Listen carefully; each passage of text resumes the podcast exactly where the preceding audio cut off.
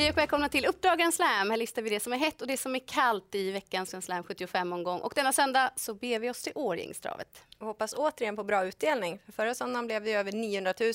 Men titta på bilderna, man får verkligen sommarkänsla. En av Sveriges vackraste banor. Upploppet är också rätt långt, 205 meter. Men det finns ju någon som har bättre koll på banan än vad du och jag har. Precis, och det är ju Björn Goop som är flitig besökare på Årjängsovalen.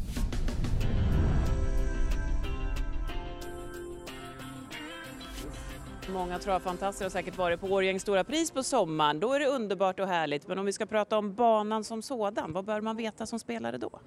Eh, ja, det är väl egentligen inga konstigheter med Årjäng på något sätt och vis tycker jag. Ehm, det är ju bästa spåren bakom bilen är ju oftast 3, 4, 5. Ingen katastrof med 1 och 2, absolut inte, utan ganska neutralt. Ehm, ganska lite kanske trångare och smalare att volta på. Men inte någon större skillnad, inte så att det är något problem med några startspår eller så. Man har kört på ganska så grovt material i den senaste tävlingsdagen. Man befarade ju regn och det ska ju även kanske bli regn på söndag. Eh, så att eh, man har ganska grovt material och det var lite svårt att få fäste i det sista tävlingsdagen. Så det är väl det enda man kan tänka på då, att det kanske inte var optimalt med barfota sist. Kanske det kan vara så den här gången att det kanske är bättre med bakskor. Eh, men det beror på, nu har jag haft någon vecka på sig att köra till banan så den är säkert bättre. Men det är väl det enda jag kan tänka på, att det var lite väl grovt och lite dåligt fäste sist. Ja, men det var en utförlig rapport och så får vi kolla dagsstatus på banan då på söndagen. Hoppas på bättre underlag. Nu vidare till veckans heta. Vi börjar i den första avdelningen med nummer 11 Loke Lovebite som verkligen hittat storformen och utvecklats starkt de senaste månaderna. Segrarna i programraden har varit från spets men han visade ju senast i ett V75-lopp att han också kan spurta väldigt bra. Det är spännande med barfota bakbalansen och så Carl-Johan Jeppsson upp i sulken igen och tillsammans har de ju två segrar på fyra försök. Och i den fjärde avdelningen så tror du på en häst från Sport 12 bakom bilen. Ja, DJ Spritt som endast har gjort fyra starter på svensk mark och som han imponerade senast. Trots en tuff resa utvändigt om ledan så bara joggar han ifrån de övriga. Spår 12 är ju aldrig kul, men en häst som tävlar i för låg klass och som får Björn Goop i sulke för första gången, det väger upp spåret. Jag tror att ekipaget är bäst. Och går vi vidare till den femte avdelningen så kommer nummer sju O.A. Kennedy från en säker spetssteger så formen sitter där. Även då om spåret är lite väl långt ut på vingen nu så tycker jag att det här är hästen i loppet och han kan vinna på flera olika sätt. Dessutom så är Elias Strandberg en rutinerad kusk. Och går vi till avslutningen så vill du prata om en häst som vi tycker har hittat tillbaka. Jag hoppas det och det är ju nummer sju Oxidizer som äntligen fick vinna senast. Må hända då att det var ett billigt gäng men trots det var han tvungen att varva på 11 och en halv och så som ni succé så blev det en enkel seger. Och i och med den här segern så tror jag att självförtroendet är på topp.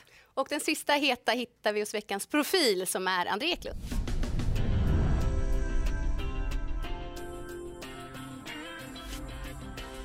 Då välkomnar vi André Eklund till programmet som har eh, väldigt bra form och fina siffror. 24 ser vi i segerprocent som tränare. Hur känns det? Jo, det är väl rätt så bra, det tycker jag. Eh, samtidigt så tycker jag att eh, stallet inte riktigt har kommit igång eh, efter vintern här. Så att, eh, det varit lite, ja, även om resultaten har varit hyggliga så, så eh, har jag inte riktigt varit nöjd med, med hästarna, så kan man säga. Vad ska segerprocenten vara för att du ska bli nöjd? Nej, det vet jag inte. Alltså, segerprocenten i sig är ju jättebra tycker jag, men, men jag har ändå känt att det inte varit det där riktiga trycket till hästarna ännu. Då hoppas vi att det kommer snart så att du blir nöjd. Ska vi gå igenom eh, söndagens hästar så börjar vi den första avdelningen med nummer ett Ramos. Obesegrad efter fyra starter. Hur bra är den här fyraåringen? Nej, alltså han, han, det är klart att man vinner inte fyra lopp bara sådär, men samtidigt så har han mött eh, ganska enkla hästar. Jag har matchat han väldigt fint. Eh, men jag tycker att han har tagit varje lopp på rätt sätt och eh, liksom utvecklas mer och mer som en tävlingshäst. Och du är ju själv ägare så att jag förstår att matchningen funkar fint där. Spår ett nu då på söndag och kortdistans. Hur säger du där om förutsättningarna? Nej, det är ju klart det är lite frågetecken. Han har varit ute bakom bilen en gång, då öppnar han rätt så hyggligt. Um, tror att han kan öppna lite bättre. Och jag kommer lätta honom lite i balansen nu. Han var lite att han kunde springa och, och var nära att slå ihop då när jag laddade med honom på Axvalla. Så att vi lättar honom lite i balansen och hoppas att han ska kunna öppna lite bättre. Anmäld med ny vagn också, fortsatt aktuellt. Har jag anmält honom med jänkarvagn eller? Ja. ja, det hade jag glömt. Uh, jag, jag, jag, kan inte svara på hur det blir med det. Nej, det får vi se på söndag. Och vi Ja. går vidare i alla fall till den andra avdelningen. 11 Jalapeno K är ju också en lovande häst men inte startat sedan augusti. Vad har hänt efter senaste starten? Ja, nej, det, till att börja med, det är ju en väldigt klassig häst tycker jag. Eh, men eh, han gjorde alldeles för få starter som treåring och det berodde på att han fick problem med kapaltunnlarna. Så att vi opererade honom ganska tidigt in på hösten. Eh, och sen har han fått träna på tungt hela vintern. Så att han har fått mycket jobb men eh, har inte fått några sådär riktigt snabba banjobb på något sätt. Så att eh, han, han kanske behöver lite fart men, men eh, det, är, det är en väldigt klassig och, och kapabel häst alltså. Så trots att han har dåligt läge och inte lopp i kroppen så kanske han kan ändå vinna då med tanke på klassen han har inom sig. Ja, ja, jag tycker det. Det, det, är en, det är en häst som jag har väldigt stora förhoppningar på under året. Om vi går vidare till eh, nummer sex, They Call Me Sixten i den fjärde avdelningen. Fungerade inte de senaste starterna, pausat. Vad kan vi ha för förväntningar nu? Eh, vi hittade en liten anledning där, eller liten. Han, han led av magsår. Eh, så att han underpresterar, har underpresterat egentligen alla starter här under hösten och vintern.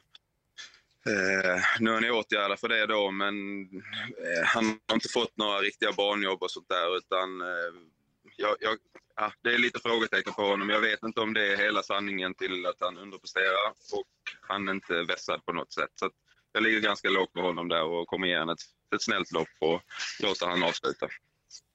Då går vi till den sjunde avdelningen, ett Suarez. Eh, vad tyckte du om senaste insatsen? Han återkom ju efter en lång tid då och det var ju första starten i din regi också.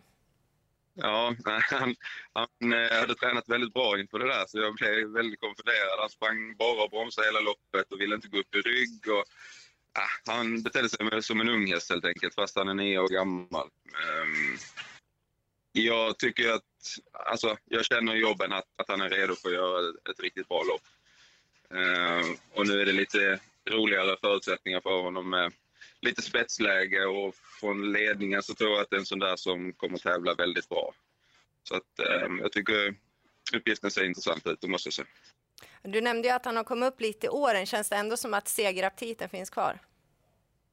Nej, det kändes inte som det senast. Då, då var det bara handbromsen i hela, hela vägen. Men, men i träning och sånt där så, så är det en sån där som väldigt, väldigt leksam och glad. Och, eh, du kan inte märka på honom att han är nio år. Så att, eh, och, och, jag kommer inte ihåg hur många lopp som han vann där ett år på Robert Berg.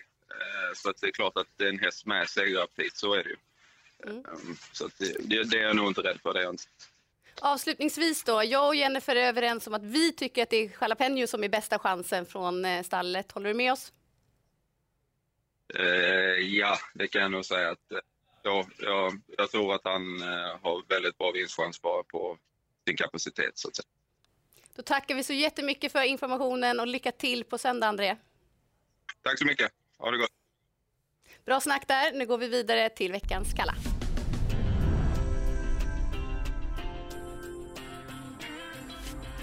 Vi börjar i den fjärde avdelningen med nummer 60, Carl med Sixten, som inte har kunnat leva upp till sin förmåga här på slutet. Nu återkommer han efter paus, man tror sig hitta anledningen, men precis som André sa så tycker jag också att man får visa att han fungerar innan man vågar tro på honom. Och I den sjunde avdelningen så kommer nummer nio Bear Hope från en överlägsen seger. Men nu blir det tuffare motstånd och dessutom så finns det risk för tappstart från spår 5 i volten. Då rundar vi av programmet och vi får lyfta fram varsin häst som vi vurmar lite extra för. Då hamnar jag ändå i den sjunde avdelningen, nummer sju Oxidizer. Hoppas att han har hittat sig själv. Och jag tror mycket på nummer 12 DJ Spritz i den fjärde avdelningen. Ja, och sen var vi överens då med André Eklund att eh, den mest spännande hästen det är Jalapeno K. Stort lycka till om ni tar chansen på söndag.